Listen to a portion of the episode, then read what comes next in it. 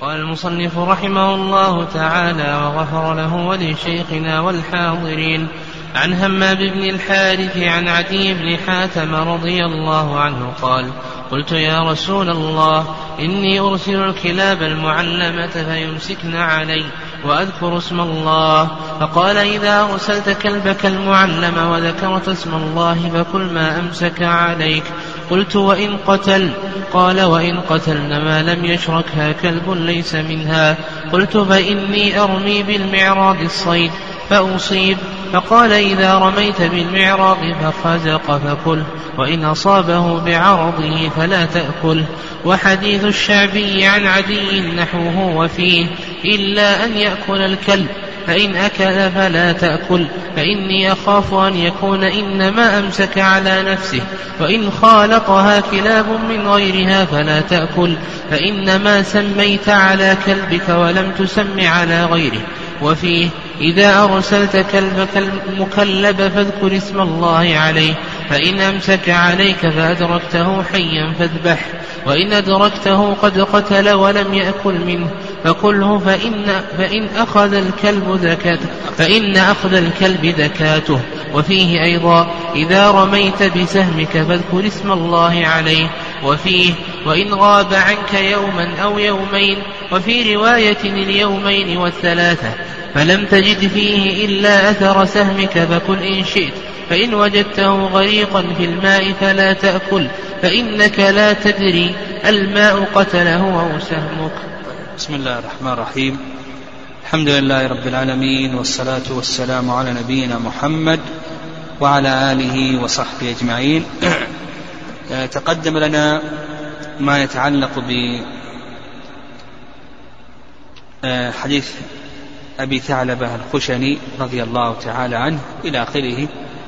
قال المؤلف وعن همام الحارث عن عدي بن حاتم قال قلت يا رسول الله إني أرسل الكلاب المعلمة فيمسكن علي وأذكر اسم الله. فقال إذا أرسلت كلبك إلى آخره في هذا الحديث حل ما صاده الكلب المعلم وبما يكون تعليم الكلب تعليم الكلب بما يكون يكون بثلاث أمور. إذا أرسلته يسترسل وإذا زجرته ينزجر وإذا أمسك فلا يأكل. يعني إذا أمسك لا يأكل.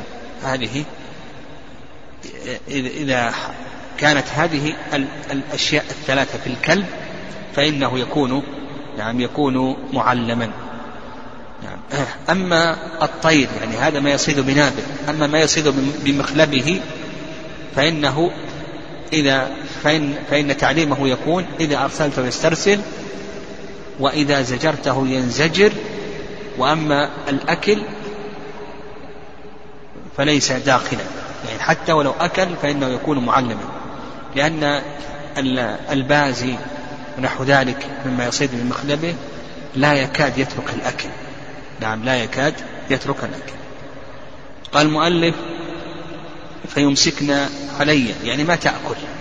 نعم ما تأكل.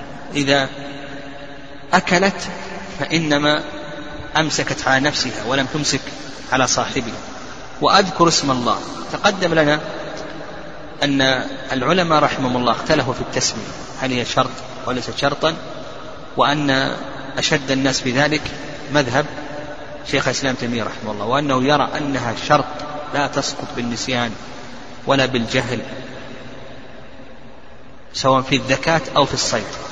وأوسع الناس في ذلك الشافعية وأنها سنة حتى لو تركها عمدا حلت الذبيحة.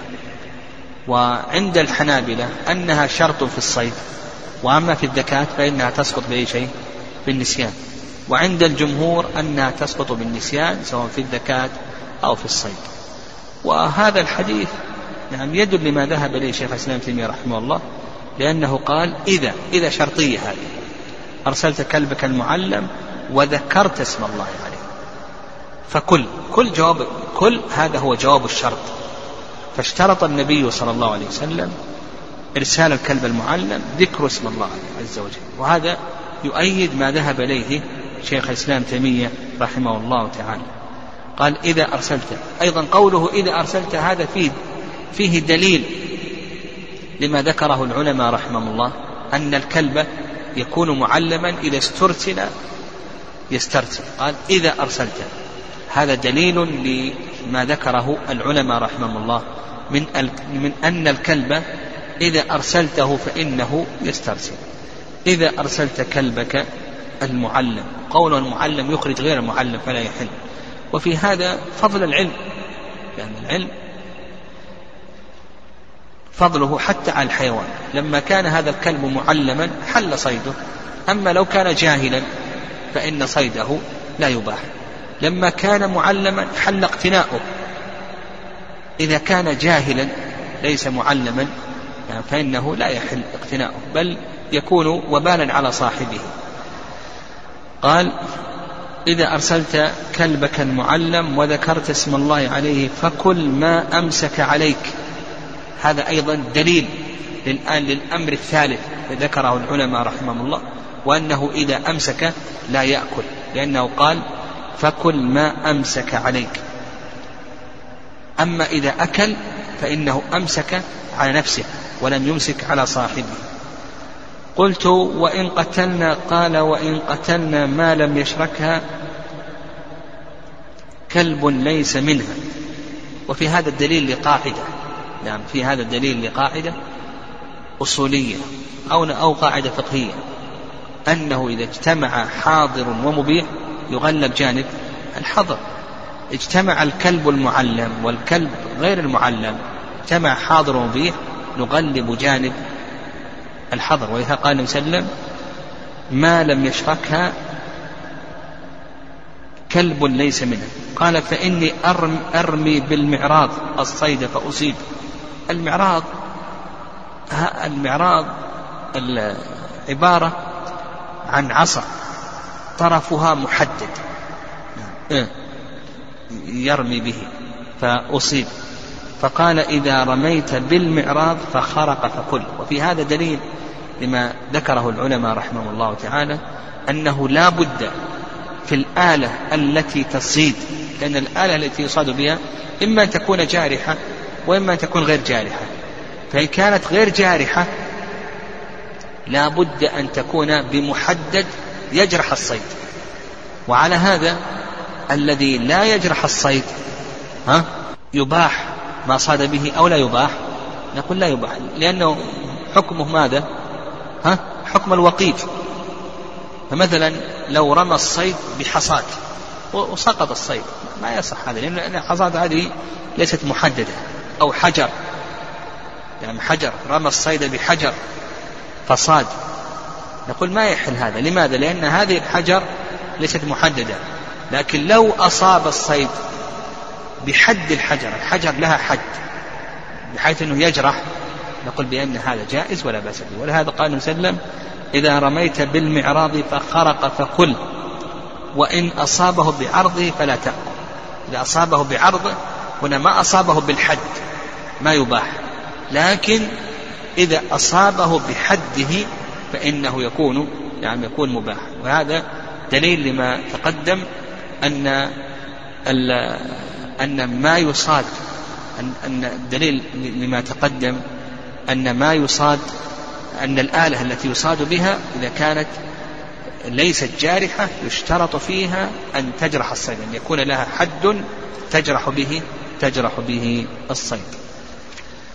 قال وفيه إذا أرسلت كلبك المكلب المعلم فاذكر اسم الله فإن أمسك عليك فأدركته حيا فاذبحه وفي هذا دليل في هذا دليل على أن في هذا دليل على أن المصيد إذا أدركه الصائد حيا يعني فيه حياة مستقرة. يعني فيه حياة مستقرة إذا أدركه الصائد فيه. فهنا يجب أن يذكيه لأنه الآن أصبح مقدورا عليه. أما إن أدركه وحياته ليست مستقرة الضربة فيه موحية قاتلة فإنه لا يجب عليه أن يذكيه. نعم.